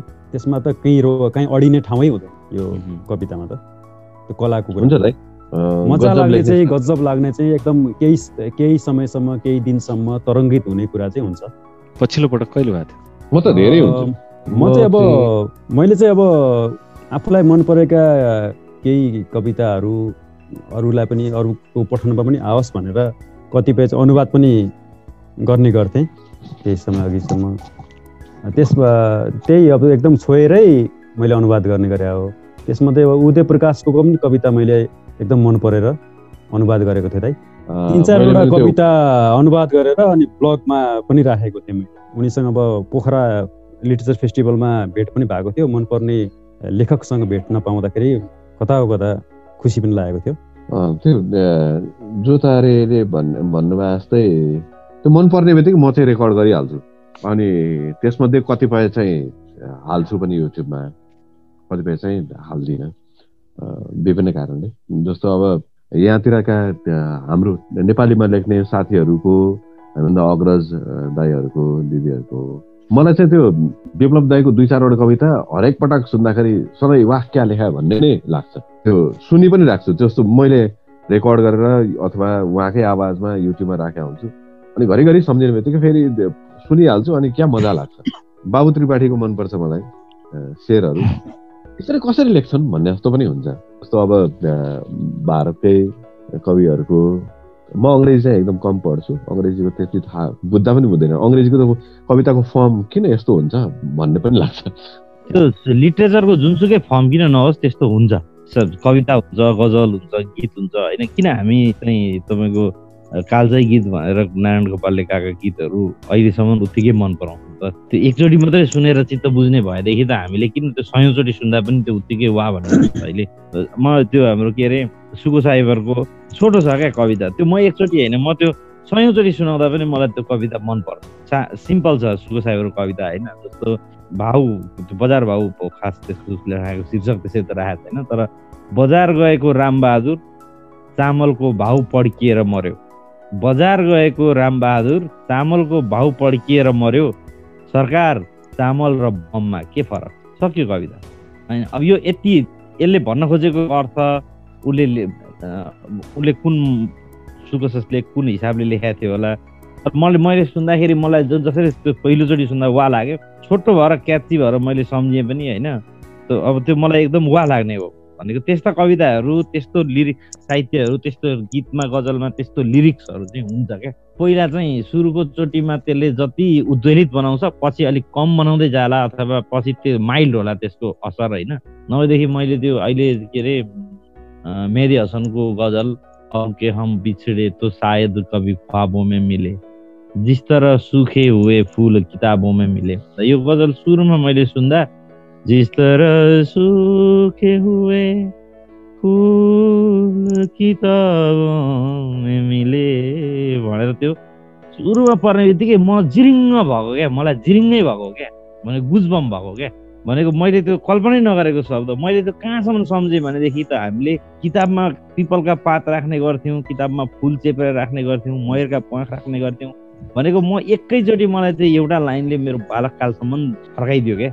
त्यहाँसम्म पुर्याइदियो नि त मलाई होइन? भनेको त्यसरी एक त्यो त्यो लेभलमा चाहिँ पुर्याउने लिरिक्सहरू त्यो लेभलमा पुर्याउने कविताहरू हुन्छ मान्छेलाई मनपर्ने। त्यो वाह भन्ने गरी हुन्छन्। हामीले पनि हेर्छौँ नि कति कवि तपाईँले कति कतिका कविताहरू तपाईँले कण्ठ सुनाइ सुनाइरहनु भएको हुन्छ। हिन्दी उर्दू कविताहरू तपाईँले कण्ठ सुनाइरहनु भएको हुन्छ। त्यो किन सुनाइरहनु भएको हुन्छ त? तपाईँलाई त्यसले तपाईँको भित्रसम्म हिट नगरी नहानिकन तपाईँको दिमाग नहल्लाएसम्म त तपाईँले त्यसलाई बोकेर हिँड्नुहुन्न नि। भनेको कविताहरू पनि त्यस्तै हुन्छ मान्छेलाई मनपर्ने मनपर्ने भन्नुको कारण के हो भने उसलाई हल्लाइदिनु पऱ्यो नि उसले बोकेर हिँड्न सक्ने गरीको त्यो तागत जुन कवितामा जुन गीतमा जुन गजलमा हुन्छ त्यो तागत भएका कविताहरूले गीतहरूले चाहिँ मान्छेलाई उत्तिकै त्यो उद्वेलित पनि बनाउँछ त्यसलाई उसले आफ्नो जस्तो ठानेर ग्रहण गरेर पनि लिएर। मलाई चाहिँ अब अहिले समकालीन कविताहरूमा चाहिँ मनपर्ने कविहरूमा अ, मनु मन्जिल सरुण मुकारुङ यी उपेन्द्र सुब्बाहरूको कविता मनपर्छ। त्यसमा पनि अब मलाई चाहिँ सरल कविताहरूतिर चाहिँ मेरो चाहिँ झुकाव बढेको छ। यो उपेन्द्र सुब्बा दाईको कविता चाहिँ एकदम मजा लाग्छ मलाई। उहाँले अब पछिल्लो समयमा केही वर्ष यता मञ्चमा पनि एकदम राम्रो पाठक पाउनु भएको छ कविता सुनाएर। उहाँको एउटा कविता सुनाउँछु है त म। खोलाको गीत र पुराना कविताहरू उम्, किताबबाट। प्लिज विश्वास शीर्षकको कविता छ। देउरालीमा सिन्दुरले रातै पोतिएर फुलपातीले छ्याप्पै छोपिएर एउटा ढुङ्गा देउता भएर बसेको छ। देउरालीमा सिन्दुरले राते पोतिएर फुलपातीले छ्याप्पै छोपिएर एउटा ढुङ्गा देउता भएर बसेको छ। देउता ढुङ्गा पनि हुनसक्छ। ढुङ्गा देउता पनि हुनसक्छ। मात्र विश्वासमा। त्यही विश्वासमा निर्बलहरू बल माग्दै ढुङ्गा सामु माथा टेक्छन्। गरिबहरू धन माग्दै ऋण गरी बोका काट्छन्। दुखीहरू सुख माग्दै रुई कराई भाकल गर्छन्। विश्वास यति घाती छ कि नाथे एउटा ढुङ्गाले पनि यसरी मान्छेको शोषण गर्छ। यस्तो। गजब कविताहरू पढेपछि मजा लाग्छ कि? यो यो यो मलाई पनि एकदमै राम्रो लागेको कविता। मैले यसको भिडियो पनि हालेको छु युट्युबमा। धेरै पटक ट्विटरमा पनि सेयर गरेको छु। सन्दर्भ आउने बित्तिकै विश्वास भन्ने कुरा आउने बित्तिकै गजब गजब कविता छ। गजब छ हो। उदय प्रकाश कविता पनि सुनाउँछु। मैले अनुवाद गरेको चारवटा कविता अनुवाद गरेको छु। त्यसमध्ये एउटा कविता सुनाउँछु। तिन वर्ष तिन वर्ष। म तिमीलाई विगत तिन वर्षदेखि जान्दछु। म तिमीलाई विगत तिन वर्षदेखि जान्दछु। तिन वर्ष यति छोटो हुँदैन जति छिटो उच्चारण गरिन्छ। तिन वर्षमा कलमी बोटमा आँप फल्न थाल्छ। सामुन्नेको घरको छतमा दिउँसो कपाल कोर्दै गरेकी युवती कतै बेपत्ता हुन्छ। स्कुलका निरञ्जन मास्टर सदरमुकाम पुग्छन्। काकीलाई क्षयरोग लाग्छ र तिन वर्षमा म र मेरो भाइलाई कतै जागिर मिल्दैन। तिन वर्षमा हाम्रा अनुहार प्रेमिका र आशाहरू र निकै धेरै चिजलाई जलाउन पुग्ने प्रशस्तै तेजाब जम्मा हुन्छ। म तिमीलाई म तिमीलाई विगत तिन वर्षदेखि बताउन चाहिरहेको छु। म तिमीलाई विगत तिन वर्षदेखि बताउन चाहिरहेको छु कि यी अखबारहरूमा कैयौँ वर्षदेखि हाम्रो बामा केही पनि छापिएको छैन। अरूकै अरूकै पढ्दा मजा हुन्छ। मसँग पनि त्यो दुईटा छोटा कविता छन् मैले आफैले अनुवाद गरेँ। सुन्नु सुन्नु। दुष्यन्त कुमारको कविता छोटा छोटा कविता धर्म भन्ने एउटा कविता छ। तेजसँग एउटा पीडा मनमा जाग्यो। मैले त्यसलाई पिइदिएँ। एउटा सानो खुसी ओठसम्म आइपुग्यो। मैले त्यसलाई फैलाइदिएँ। मलाई खुब सन्तोष भयो र लाग्यो। हरेक सानोलाई ठुलो बनाउनु नै धर्म हो। मिठो छ नि है? गजब गजब। मलाई एउटा कुराले बडा इन्ट्रिग गर्छ कि यो कविहरूको सोच्ने प्याटर्न कसो चल्दो होला भन्ने मलाई मनमा खुल्दुली भइरहेको हुन्छ। एकचोटि यो पछिल्लो समयमा थाहा होला सबैलाई के भयो नि यो प्लुटो प्लुटो भन्ने पहिला ग्रह हुन्थ्यो। उसलाई ग्रहको दर्जाबाट निकालिदिएछन् कि? मलाई बाबुले भनेपछि थाहा ग्रहको दर्जाबाट निकालिदिए यो तमाम विश्वका साइन्टिस्टहरू मिलेर त्यसपछि गुलजारले एउटा किताब निकाले कि प्लुटो किताबको नाम। अनि त्यसमा एउटा कविता छ कि प्लुटो भनेर। दुनियाँभरिका साइन्टिस्टहरू या विद्यार्थीहरू या रिसर्चरहरू एउटा कुरा सोचिरहेको थिए होइन? त्यसले एउटा कविलाई कसरी ट्रिगर गर्यो भने उसले एउटा किताब निकाल्यो कि? जुन कि साइन्स बेस्ड होइन नि। म त्यो कुरा चाहिँ बडा इन्ट्रेस्टिङ लाग्छ कि। र के लाग्छ भने हरेक कवि या लेखकहरू या इभन फिल्म मेकरहरू होइन लाइफ लङ ब्रोडर कुरामा चाहिँ एउटा कुरा भन्न खोजिरहेको हुन्छन् होइन। टुक्रा टुक्रामा भन्लान् त्यो उनीहरूको मिसन जस्तै हुन्छ। तिमीहरूलाई कुनै यस्तो कुराले बारम्बार ट्रिगर गर्ने या लेख्न घचघचाउने त्यस्तो के हुन्छ? लामो प्रश्न भयो त्यसलाई लामो प्रश्न पनि भयो एकदम एकदम ठुलो प्रश्न पनि भयो। बोल्नुहोस् तपाईँ नै बोल्नुहोस्। कति चुलाएर बस्नुहुन्छ? तपाईँ जतिको यो प्रश्नको जवाफमा त म एउटा गजल सुनाउने क्या मेरो आफ्नै गजल। प्लिज पहिला जवाफ दिनुपर्छ अनि गजल चाहिँ तपाईँले मात्रै सुनाउने हो त म हामीले चाहिँ सुनाउनु हुँदैन। प्रश्नको जवाफ चाहियो। अनि त्यहाँ प्रश्नको जवाब त्यहाँ त्यहाँ मतला मतलामै छ के? ए त्यसो भए त हुन्छ त। सम्भावनाको उडान छ कि त्यहाँ एउटा? मैले नै लेखेको। भोक मात्र लाग्नुपर्छ। भोक मात्र लाग्नुपर्छ शिकार कहाँ कहाँबाट आउँछ भोक मात्र लाग्नुपर्छ शिकार कहाँ कहाँबाट आउँछन्? यति सानो खोपडीमा विचार कहाँ कहाँबाट आउँछ उठेकाई मुठीहरू कुजिएर नै नै त बस्छन् कहाँ? उठेकाई मुठीहरू कुजिएर नै त बस्छन् कहाँ? खुल्ना साथी हत्केलामा निखार कहाँ कहाँबाट आउँछन्?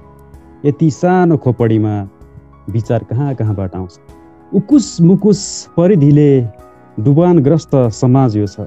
उकुस मुकुस परिधिले डुबानग्रस्त समाज यो छ। थोरै सीमा नागी हेर्दा किनार कहाँ कहाँबाट आउँछ? यति सानो खोपडीमा विचार कहाँ कहाँबाट आउँछ? सागु रोयो मनको सन्दुक। सागु रोयो मनको सन्दुक खोलेपछि ओहिरो लाग्छ। सागु रोयो मनको सन्दुक खोलेपछि ओहिरो लाग्छ। थाम्नै गाह्रो हुने गरी पियर कहाँ कहाँबाट आउँछ? यति सानो खोपडीमा विचार कहाँ कहाँबाट आउँछ? बस्तीकाई झोपडीमा अभावहरूको अभाव छैन। बस्तीकाई झोपडीमा अभावहरूको अभाव छैन।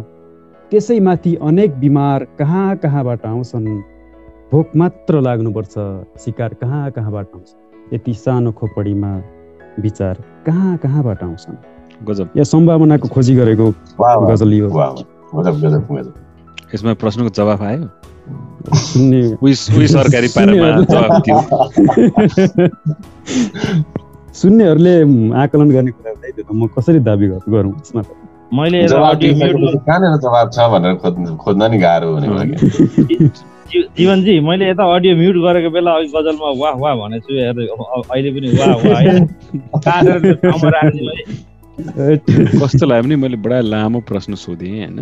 त्यसको बदला ल्याए जस्तो लाग्यो कि? ल खोज्न त आन्सर भनेर च्यालेन्ज दिए जस्तो। मलाई चाहिँ मेरो कुरा चाहिँ त्यसमा के छ भनेदेखि मलाई ठ्याक्कै यो- यो विषयलाई यसरी ट्रिगर हुन्छु भन्ने चाहिँ मलाई लाग्दैन त्यसरी ठ्याक्कै। तर कहिलेकाहीँ हुन्छ नि कुनै विषय कुनै सन्दर्भ। अनि केही केहीले प्रेरित गरेरै लेख्ने हो के? लेख्न चाहिँ होइन। जस्तो अब भनौँ न कुनै कुनै के हुनसक्छ भने आख्यानमा जानुभयो भनेदेखि तपाईँ होइन गीत गजलमै पनि कुनै विज्ञापनको लागि गीत लेख भनेर दिने त हुन्छन् नि त। विज्ञानको लागि यो खालको लेख त भनेर कसैले भनिदिन सक्छ पैसा देलान् होइन। अब आख्यानमा चाहिँ म यो विषयलाई उठाउँछु र त्यसलाई म गज उपन्यासको रूपमा ल्याउँछु भनेर मान्छेले अनुसन्धान गरेर समय दिएर त्यसलाई लेख्न सक्छ विषय छानेर। अब तर कविता लेख्ने गजल लेख्ने अनि गीत लेख्ने कुरामा चाहिँ खास गरी विशेष गरी मलाई लाग्ने चाहिँ मान्छेलाई त्यो कुनै कुराले उसलाई आफूलाई हिट भएको छ अथवा उसले आफूले महसुस गरेको केही कुरा छ उसलाई छोएको केही कुरा छ भनेदेखि त्यस्तै कुरालाई मात्रै त्यस्तै कुराले प्रेरित भएर नै लेख्ने होला जस्तो अघि चारकै कुरा गर्दा अरूले दुनियाँले जेसुकै देखुन् नि त्यहाँ प्लुटो भन्ने छ कि छैन त्यसलाई दुनियाँले जेसुकै भनोस् नि। गुलजारको लागि नौवटा थियो एउटा छैन कहाँ गयो त? खोइ त प्लुटो। हराए त थियो त अस्तित्वमा अस्तिसम्म नाम लिन्थे मान्छेले। अहिले हरायो गायब भयो गुलजारलाई त त्यसले छोयो नि त। भनेपछि किन हरायो त? सिद्धियो त त्यसको त अस्तित्व भन्ने हिसाबले छोयो होइन। अब त्यसरी त्यो किताब आयो होला कविता आयो। कहिलेकाहीँ म आफू कहिलेकाहीँ बाइकमै हिँडिरहँदा अघि भने नि मैले खाना पकाउँदै गर्दा त्यो एक खालको मनोभाव त कुनै विषय दिमागमा आयो भनेदेखि अनि सोचेर त्यस्तो विषयमा एकोरिएको बेलामा लेख्छु। कसैले यस्तो खालको लेख्दैन भन्यो भनेदेखि मलाई मलाई लेख्नै सक्दिनँ। फुर्दै फुर्दैन। अनि हुन्छ नि कुनै यो यो विषयमा लेख्नु पर्यो भन्यो भनेदेखि मलाई आउँदैन। अब म मेरो त्यो क्षमतै होइन जस्तो लाग्छ। मेरो क्षमता पनि त हेर्नु पर्यो नि मलाई कसैले यो इस्युमा यो शर्तमा यो यो थिममा लेखिदिनु त भन्यो भने अब साथीहरूले नै भनेका छन् पैसा आउँछ पनि भनेका छन् तै पनि आउँदैन गजल आउँदैन गीत आउँदैन फुर्दै पैसा आउँछु भन्छ गीत पनि गजल पनि आउँदैन गजल आउँदिनँ भन्छ होइन गीत आउँदिनँ भन्छ पैसा आउँछु भन्छ गीत आउँदिनँ भन्छ अब यहाँ फिल्ममा गीत लेख्ने होइन धेरैजनाहरू अरू हेर्ने हो भने अलिकति चलेका गीतकारहरूले विषय सोचेर एउटा कथा सोचेर फुर्ती गीत भ्याट भ्याट लेखिदिन्छन् त्यो कस्ता प्रतिभाशाली मान्छेहरू छन् होइन? अब आफूलाई चाहिँ आउँदैन त्यो मलाई आउने चाहिँ दिमागमा मलाई आफैलाई बिज्यो मलाई आफैलाई केही भयो भनेदेखि त्यसमा पनि पहिला चाहिँ अन्टसन्ट काफिया मिलाउने झाटा ढुकढुक लेखिदिइहाल्थेँ होइन? अहिले चाहिँ त्यो तौलिन थाल्छु आफैले पनि शब्दहरू यो कतिको मिल्छ मिल्दैन भन्ने तौलिन थाल्छु। अनि पु पुग्यो पुगेन त्यही भएर धेरै अहिले मेरो पछिल्लो समयमा एक सेयर दुई सेयरमै अ, गजलहरू छन्किएर बसेका छन् क्या भनेको अगाडि बढाउनै सकेको। अनि त्यस्तो लाग्छ मलाई चाहिँ। आफैलाई महसुस फिल हुनु पर्यो बुझ्नु पर्यो। जुन कुरोले बित्छ अथवा जुन कुरोले छुन्छ खुसीले होस् या दुःखले होस् त्यो भएपछि मान्छेले त्यसलाई व्यक्त गर्ने हो त्यो कविताको मार्फतबाट। अनि तर अलिक फरक सोच्न सक्छन् कविहरूले चाहिँ त्यसलाई त्यो फरक सोचेरै कवि भए हो नत्र म जस्तै हुन्थ्यो नि तिमी। फरक नसोचे त म मेरो र तिमीमा फरकै भएन। तिमी किन कवि या गजलकार होइन? तिमीलाई किन भाउ दिनु? म जस्तै सोच्ने भए त। के कुराले बारम्बार ट्रिगर गर्ने कुरा हुन्छ कि भन्ने मात्रै हो। धेरैवटा प्रश्न छ दाइ तपाईँकोमा।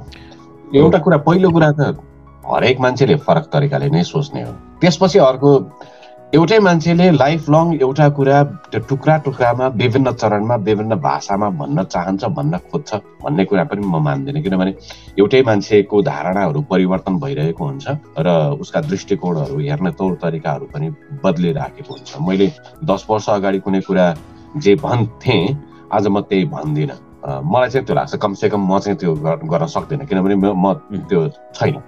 र अर्को कुरा अब केले छुन्छ कसरी ट्रिगर हुन्छ भन्ने कुरामा जुन जनकजीले भने जस्तै यो विषयमा लेख्छु भनेर बसेर लेख्दैनौँ हामी। जनकजी लेख्नुहुन्न जीवनजी पनि त्यसरी लेख्नुहुन्न म पनि लेख्दिनँ। मेरो चाहिँ अब पर्सनल एक्सपिरियन्सबाट भन्दाखेरि जवाफ अलिक सजिलोसँग होला म टिभीमा काम गर्छु समाचार भन्छु। त्यो समाचार भनिरहँदाखेरि टिभीमा दृश्यहरू देखाइरहँदा कविताहरू फुरेको केसेसहरू छ। ब्रेकको बेलामा ब्रेक त हाम्रो टेलिभिजनमा लामै हुन्छ होइन। पाँच छ मिनटको ब्रेक हुन्छ। त्यो पाँच छ मिनटको ब्रेकमा मैले कविता लेखी भ्याएको कविताहरू पनि छ। त्यो किन समाचारले यस्तो हिट गर्यो आफैलाई अनि त्यसैले अनि कहिलेकाहीँ त्यो सामान्य कुराहरूलाई सामान्य तरिकाले अनुभव गरेर हेर्दाखेरि पनि अनि केही केही शब्दहरू फुर्छ केही केही बिम्बहरू फुर्छ रुखलाई हेर्दाखेरि कहिलेकाहीँ झ्याङ्ग देखिन्छ कहिलेकाहीँ नाङ्गो देखिन्छ कहिलेकाहीँ चरा बस्दाखेरि ओहो रुखै सबैभन्दा ठुलो कुरो हो जस्तो लाग्छ ओहो एउटा जाबो चरा बस्दाखेरि लच्किने रुख पनि के रुख भन्ने जस्तो लाग्छ सामान्य कुराहरूलाई त्यो कहिलेकाहीँ ध्यान गरेर हेर्दाखेरि नयाँ कुरा देखिन्छ अनि त्यस्ता कुराहरूले नयाँ कुराहरू फुराउँछ तर यही कुराले मात्रै छुन्छ भन्ने हुँदैन। कहिले केले छुन्छ कहिले के मात्र त होइन मात्र होइन के भन्नु खोजेँ कुनै एउटा विषयले बारम्बार मोटिभेट गर्ने कुरा मात्रै भने मैले अरू विषय लड्छु भने होइन। बारम्बार त सबैभन्दा पहिला अब त्यो हुन्छ नि ट्विट पनि लेखिन्छ घरिघरि। नलेखौँ नलेखौँ भन्दा भन्दा पनि लेखिन्छ। हाम्रो वरिपरि देखिने टाउको दुखाउने कुराहरू जुन छ त्यो जति लेखे पनि त्यसमा पुरा नै हुँदैन। जति प्रकारले लेखौँ जतिजनाले लेखौँ जति शब्दमा लेखौँ जति लामो लेखौँ वरिपरि हाम्रो वरिपरि भइरहने कतिपय टाउको दुखाउने कुराहरू छ। त्यो लेखे लेखेँ दसवटा लेखिसकेँ मैले त्यो बारेमा भन्दाखेरि पनि अब त्यो जस्तो मलाई त जनकजीले जोतारे धाइभाले त्यो ऊ के के कवि भन्नुहुन्छ अरे? प्रकोप कवि भन्नुहुन्छ होइन? प्रकोप।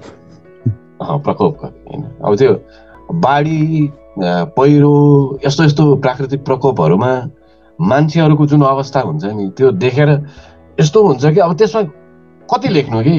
हरेक नयाँ मान्छेको नयाँ पीडा छ हरेक मा नयाँ मान्छेको निधार नयाँ तरिकाले खुम्च्या छ अनि हरेकको पीडा फरक छ अनि अहिले नै पनि अब अघि मैले टाउको दुखाउने कुरा भने नि अब अखबार पढ्दै गर्दाखेरि हरेक समाचारले टाउको दुखाउँछ भनेदेखि अब कति लेख्नु? लेख्नु मन लाग्छ। होइन कहिले काहीँ लेख्न दिँदैन त्यो कुराले कहिले काहीँ त्यो ब्लकेड हुन्छ। त्यो पुरै इन्साइक्लोपिडिया जत्रो साइजको लेखेर पनि पुग्नेवालै हुँदैन। अनि कसरी लेख्नु? शब्द फुर्दैन हामीलाई कुनै कुनै कुरा कस्तो हुँदो रहेछ भन्दा कहिलेकाहीँ तपाईँले नै पनि गर्नुभएको छ। त्यो ड्राफ्ट ट्विटरमा ड्राफ्ट गर्न सिकाउनु भएको तपाईँले नै हो मलाई। कुनै कुनै कुरा जस्तो म अचेल अब त्यो ठ्याक्कै केही फुर्यो भने ड्राफ्टमा सेभ गरेर राख्छु त्यो नोट खोलिराख्न झ्याउ लाग्छ। अनि दुई घन्टा पछि हेऱ्यो अटाएन त। मैले भन्न खोजेको कुरा त्यो शब्दमा अटाउँदै अटाएन। शब्दमा भनेको त्यो दुई सय चालिसमा भने होइन। मैले जे शब्द प्रयोग गरेँ त्यो शब्दमा मेरो भावना मैले भन्न खोजेको कुरा मेरो इमोसन अटाउँदै अटाएर त। जस्तो हिजै हामी कुरा गर्दै गर्दाखेरि एउटा ट्विटको स्क्रिनसट मैले तपाईँलाई पठाएको थिएँ। अनि त्यो मैले ट्विट गरेँ। त्यहाँ अनेक खालको जवाबहरू आएको छ। अब त्यो अटाएन त। मैले भन्न खोजेको कुरा त्यसमा अटाएन। अब त्यही भएर म गाली खान्छु।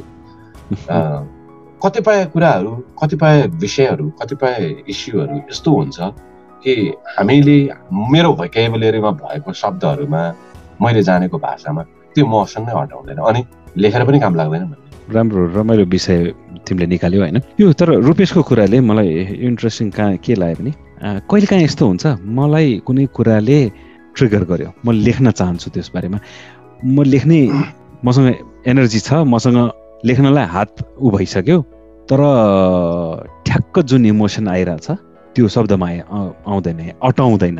त्यस्तो धेरै हुन्छ मैले भने नि अघि भनेकै त्यही नै हो अनि त्यति बेला गर्ने के? त्यति बेला कुर्ने दाइ त्यो अर्को केही उपाय छैन पहिले पहिले अब यो एरेबल हुन्छ कि हुँदैन थाहा छैन। पहिले पहिले म रेडियोमा काम गर्दाखेरि एउटा साथीको राति त्यो सास लामो फेर्दै चलाउने कार्यक्रम हुन्छ नि त राति एफएम स्टेसनमा राति दस एघारभित्र स्वा स्वा गर्दै चलाउने कार्यक्रम हुन्थ्यो क्या। अनि त्यो कार्यक्रमको लागि मैले स्क्रिप्ट लेखिदिनु पर्थ्यो। अनि त्यसमा प्रेम कहाँ अनेक कहाँ कुरा लेख्नु पर्थ्यो। अनि त्यो साथीलाई के नाइ नआउने नआउने भनेको अब मैले लेख्दाखेरि राम्रो हुन्छ भन्ने उनलाई लाग्ने। त्यति बेला पनि म लेख्थेँ चिठी चिठी लेख्थेँ निबन्धहरू लेख्थेँ दैनिकीहरू लेख्थेँ मनोवादहरू लेख्थेँ। अनि उनले मलाई लेख्दिनँ भन्थे। अनि सात बजे बिहा साँझ सात बजेसम्ममा न्युजको प्रेसर सकिया हुन्थ्यो बल्ल प्रेसर रिलिज भएको हुन्थ्यो। अनि उनको दस बजे कार्यक्रमको लागि मैले तिन घन्टामा छ सात पाना लेखिदिनु पर्यो अनि तनाव हुन्थ्यो। फुर्दैन त। अब नपुरेपछि कहाँबाट यस्तो यस्तो विषयमा लेख्दैौ न भन्थे विषय बुझेँ।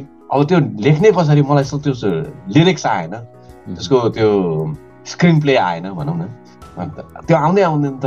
हरेक हप्ता जस्तो अनि ल तिमीलाई म तिनवटा चुरोट चारवटा चुरोट यहाँ राखिदिन्छु ढोका बन्द गरिदिन्छु गुम्म पारेर चुरोट खाने अनि लेख्ने। भन्थ्यो क्या होइन? अब यो पार्ट एयर गर्न मिल्छ मिल्दैन थाहा छैन। तर त्यो कहिलेकाहीँ त्यसले त्यो ब्लकेट खोल्थ्यो तर होइन हुँदो रहेछ त्यसै पनि। अहिले पनि मसँग त्यस्तो ड्राफ्टहरू अनेक छ। दुई लाइन लेखेर छोडेको लाइनहरू डायरीमा होला ल्यापटपमा होला कम्प्युटरमा होला अफिसकै कम्प्युटरमा पनि धेरै छ। दुई लाइन लेखेर अब त्यो आएन शब्द नै या त शब्दमा अटाएन या त अटाउने शब्द मसँग फेला परेन। अथवा मैले भन्न खोजेको कुरामा म आफै पनि अझै क्लियर भएको छैन। त्यो पिक्चर दिमागमा अझै क्लियर आइसकेको छैन। त्यो विभिन्न खालको ताना बाना चाहिँ भइ नै रहेछ अपुरो रहेका अब पुरै चित्र नआएर अपुरो रहेका कविताहरू दिमागमा मनमा धेरै मरेका छन् है। त्यस्तो हुन्छ। अब कतिपय एक सरो अलि लेखेर फेरि पछि फेरि बनाउला भन्ने हिसाबले लेखिन्छ। कतिपय चाहिँ त्यो कहिले पनि नलेखिने कविताहरू पनि हुन्छन्। जस्तो अब एउटा लेखेर चित्त नबुझेर कम्प्लिट नगर्ने त एउटा भयो। अर्को कस्तो भने मनमा भावना छ तर त्यो मसँग भएको शब्दले या शब्दले नै जस्टिफाई। जस्टिफाई गर्दैन त्यो कुरालाई। त्यस्तो त हुन्छ। त्यस्तो हुन्छ। त्यति बेला गर्ने के? अहिले दिन टाउको दुखाउने। अनि त्यसपछि त्यसलाई बिर्सिने। कुनै कुनै कुरा सम्झिरहन्छ त्यसलाई पुरा गर्न। मैले त्यो कहिले भन्नु झन्डै एकसट्ठी साठी एकसट्ठी बैसठी सालतिर। त्यतिखेर त अब आजभन्दा कति वर्ष अगाडि भयो त्यो पन्ध्र सोह्र म पनि त्यतिखेर युवा युवै थिएँ। किर्तिपुरबाट माइक्रो चढेर आउँदाखेरि त्यस्तै भयो एकजना चेलीसँग। अब चेली भन्नु एकजना केटी भनौँ एउटा एक खालको त्यो देखादेख जस्तो भयो। आँखा जुदाएर पनि आनन्द लिने समय थियो नि त त्यतिखेर त होइन? त्यो यस्तो ए यस्तो लाग्यो कि त्यहाँबाट फर्केर त्यो न त्यसपछि त्यो कहिले देख्नु छ आफूलाई होइन? न कहिले भेट हुनेछ न नम्बर माग्नु छ न केही छ केही छैन नि त। तर त्यो त्यति यात्राभरिको त्यो कुलेश्वरसम्मको यात्राभरिको टाइम चाहिँ त्यो मोमेन्ट चाहिँ त्यो मिठो छ क्या फेरि। होइन? अब मैले त्यतिखेर लेखेँ कि एउटा म एक सेयर सुनाउँछु त्यतिखेर लेखेको। देखियो अनि ओझेल पर्यो। दिएर सम्झना। देखियो अनि ओझेल पर्यो। दिएर सम्झना। आँखाको प्यास मेट्दैछु अचेल। पिएर सम्झना। आँखाको प्यास मेट्दैछु अचेल पिएर सम्झना। त्यहाँदेखि रत्नपार्क जाउन्जेलसम्ममा यति पुऱ्यो त्यसपछि अरू पुर्या छैन क्या खास समस्या छ। अब यति मलाई कन्ठा छ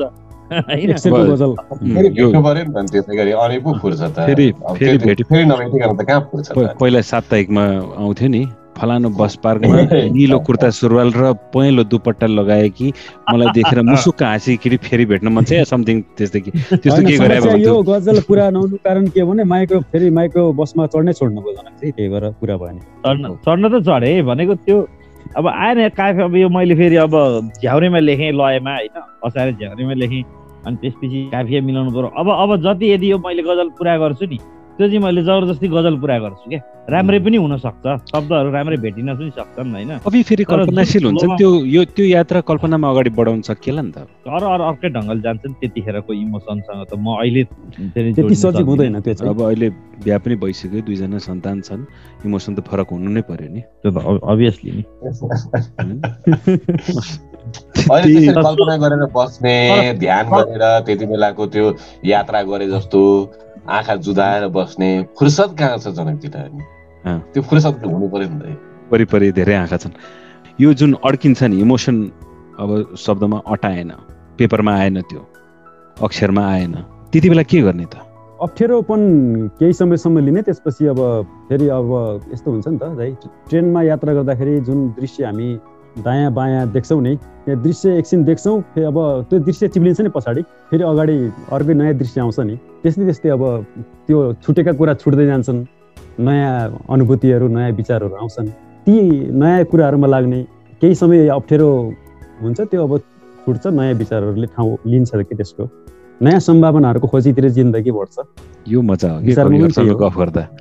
बिम्बमा यस्तो पनि हो कि फेरि अब नाम नै जीवन हो। जीवनका बारेमा जीवनको रीतको बारेमा जीवनले बोले जस्तो अथेन्टिक कहाँ हुन्छ सक्दैन सक्दैन। लेख्न खोजेका कुराहरू अड्किन्छन् ती रोकिन्छन्।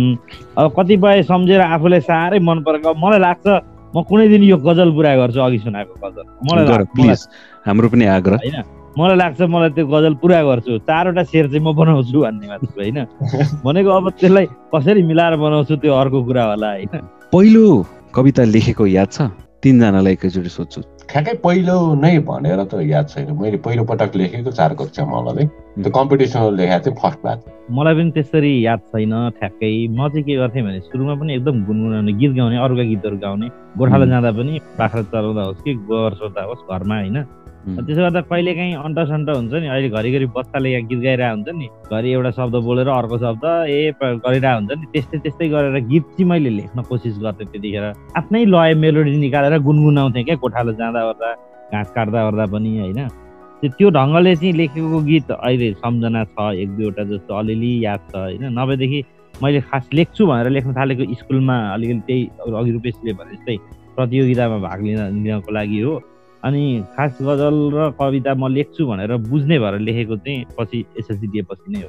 मेरो पहिलो कविताको कुरा गर्दै चाहिँ पहिलो कवितात्मक भाग चाहिँ कहिले लेखेँ मलाई त्यति याद छैन तर मलाई याद भएसम्मको मेरो पहिलो कविता चाहिँ लेखेको याद भएको डायरी घरमा डायरीमा पनि होला जस्तो लाग्छ। लोक लयमा मैले झाउरे लयमा चाहिँ लेखेको छु होइन? यो सँगै जोडिएको प्रश्न चार पाँच कक्षा हुँदाखेरि जुन लेखियो त्यो कवि त्यो जीवन या त्यो जनक या त्यो रूपेशलाई अहिलेको जीवन या अहिलेको जनक अहिलेको रूपेशले सिकाउनु पर्यो भने के सिकाउँछ? म म केही सिकाउँदिनँ दाइ बिन्दास छोडिदिन्छु।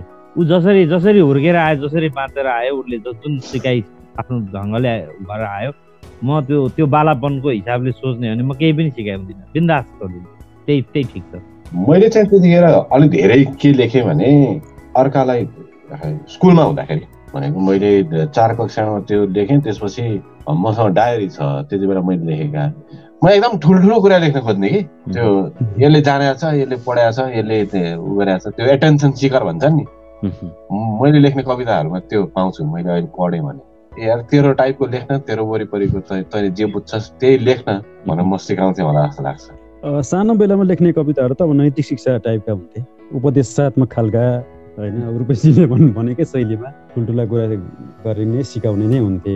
जुन निर्दोष जुन अबोधपना छ त्यो चाहिँ हामीले अब कवितामा चाहिँ त्यो अबोधपना त्यो चाहिँ लेखेनछौँ कि त्यतिखेर। जुन त्यो जुन बाल्यकालको जुन आनन्द थियो त्यसमा त अब के सिकाउनु रहेछ अब त्यो अहिलेको उमेरले त्यो उमेरलाई त? जीवन भनेको त लिमिटेड हो नि त हाम्रो। लिमिटेड हुन्छ नि त एउटा फाइनाइट वर्ष रहन्छ त्यसपछि सबैको उयो गति। आफ्नो अहिलेसम्मको यात्रामा आफ्नो कुनै एउटा मेरो रिप्रेजेन्टेटिभ कविता यो हो अहिलेसम्मको यात्रामा। मेरो एउटा रिप्रेजेन्टेटिभ कविता एउटा मात्रै दिन पाए पर्यो भने कुन कविता दिने? यसलाई यसलाई यसलाई यस्तो गर्दा ठिक होला है आफ्नो भन्दा नि अर्काको भन्न सजिलो हुँदो रहेछ क्या। मलाई फेरि त्यो जीवनजीको कविताहरू त पढाएको छु तर ठ्याक्कै त्यो शीर्षकहरू यस्तो याद छैन। भोकको बारेमा लेखेको कविता छ जस्तो लाग्छ जीवनजीको। आमाको बारेमा लेखेको कविता छ। आमा र आँसु एउटा। मैले मैले त्यसरी चिन्ने हो। मैले जोतारे धाइबालाई चिन्दाखेरि त्यो त्यो कविता मार्फत चिन्ने हो। अब जनकजीलाई चाहिँ आँखाको भाका दिएर आऊ भन्ने जस्तो होइन। अनि अलिकति नजर तिम्रो अनि मलाई चाहिँ रूपेशजीको त्यो छिमेकी नै मनपर्ने हो। एक समाज जिन्दगी हाम्रो आनी बानी हाम्रो जीवन संस्कृति हाम्रो अब गाउँले परिवेश सहरी परिवेश सबै अटा अटाएको छु त्यो कवितामा। त्यही भएर त्यो मजा लाग्छ। अब जनकजीको गजल पनि अब त्यो सङ्गीतबद्ध भएको हिसाबले अलिकति नजर नै अब मलाई दिमागमा आउँछ उहाँ सम्झिने बित्तिकै। आफ्नो त आफ्नो त भन्ने कुरा रूपेशजीको चाहिँ अब अब त्यही त्यही भन्नु पर्ला जस्तो छ होइन? रूपेशजीका कविताहरू धेरै छन् होइन? बाढी शीर्षकको कविता पनि एकदम राम्रो छ रूपेशजीको जीवनको?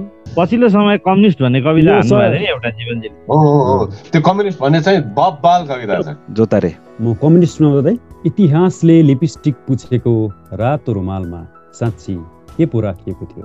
इतिहासले लिपस्टिक पुछेको रातो रुमालमा साँच्ची के पो राखिएको थियो? खासमा केही थिएन कसैका लागि। न पेट सेकाउने सातो न आङ तताउने भोटो। साँचेर राखिएको थियो मात्र एकुन्टा हँसिया हथौडा मुठी उठाउँदै आए एकुल मान्छे र पिटपाट पारे फलाम छिनमै तयार भयो नयाँ युगको चन्दा बाकस गजब। गजब। रूपेश। कुन सुनाम जनकजी बाढी भन्दै छोटो थियो। बाढी लामो छ। बाढी सुनौँ अलि किन राम्रो छ लामो छ। छिमेकी त। हिन्दीमा नि आइसक्यो। यो बाढीमाथि पहिरोमाथि भूकम्पमाथि आगलागीमाथि मेरा केही कविताहरू छन्। अनि रातमाथि भनेको सिरिज अफ पोइम्स त्यसैमध्येमा त्यो बाढी अन्तर्गत तिर्खा भन्ने एउटा कविता छ। म घन्टौँदेखि बाढीमा तैरिरहेको छु र पनि खुब प्यास लागेको छ। म घन्टौँदेखि बाढीमा तैरिरहेको छु र पनि खुब प्यास लागेको छ। साह्रै दुःखको स्वाद छ बाढीको पानीमा। साह्रै दुःखको स्वाद छ बाढीको पानीमा। मैले यही पानी कतिपटक पिएँ हेक्का छैन। मान्छेका आँसु कुहिएका शरीर पशु रस गिटी बालुवा माटो घाँस रुख भुसा भात सिरक डस्न धेरै कुराको स्वाद छ पानीमा। ताप्के सुनाउँछु छोटो। ल ताप्के घरमा चामल दाल साग नुन तेल केही छैन। घरमा चामल दाल साग नुन तेल केही छैन बस एउटा रित्तो ताप्के छ। लाग्छ खापा नभएको ढोकाबाट। कुनै रात लुत्त पसोस् एउटा चोर लैजाओस् ताप्के म थाहै नपाएसरी अँध्यारोमा पल्टिरहँ। म थाहै नपाएसरी अँध्यारोमा पल्टिरहँ निकै दिनदेखि ताप्केको भोको अनुहारले मलाई सुत्न दिएको छैन। यो कविको नराम्रो बानी के हुन्छ भने एक त आफै दुखी हुन्छन् होइन। के देख्यो वरिपरि देख्यो दुखी भइहाल्ने। अनि त्यो चाहिँ अरूको टाउकोमाथि थोपारिदिने कि? त्यही भएर जनकलाई अन्त्यमा राख्यो कि? रोमान्टिक छ। जनक। रोमान्टिक होइन रुन्चे छ। म हुनै रुन्चे गजलकार त आफूलाई। आँखाको भाका बुझेर सुस्तरी सुस्तरी। मधुर गीता गज़ल गाऊ। सुस्तरी सुस्तरी,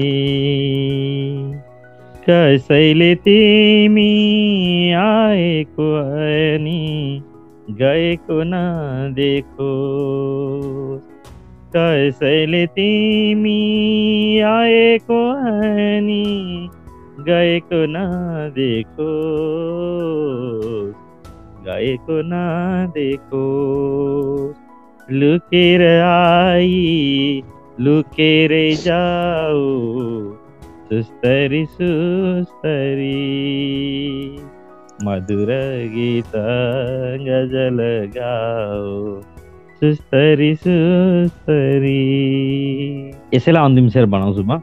सुकेका पात टेकेर कतै आवाज नआओ सुकेका पात टेकेर कतै आवाज नआओ आवाज नआओ जोगाई टेक्नु बाटोमा पाऊ सुस्तरी सुस्तरी। मधुर गीत गज़ल गाऊ सुस्तरी सुस्तरी। आँखाको भाका बुझेर आऊ, सुस्तरी सुस्तरी। वाह वाह वाह वाह।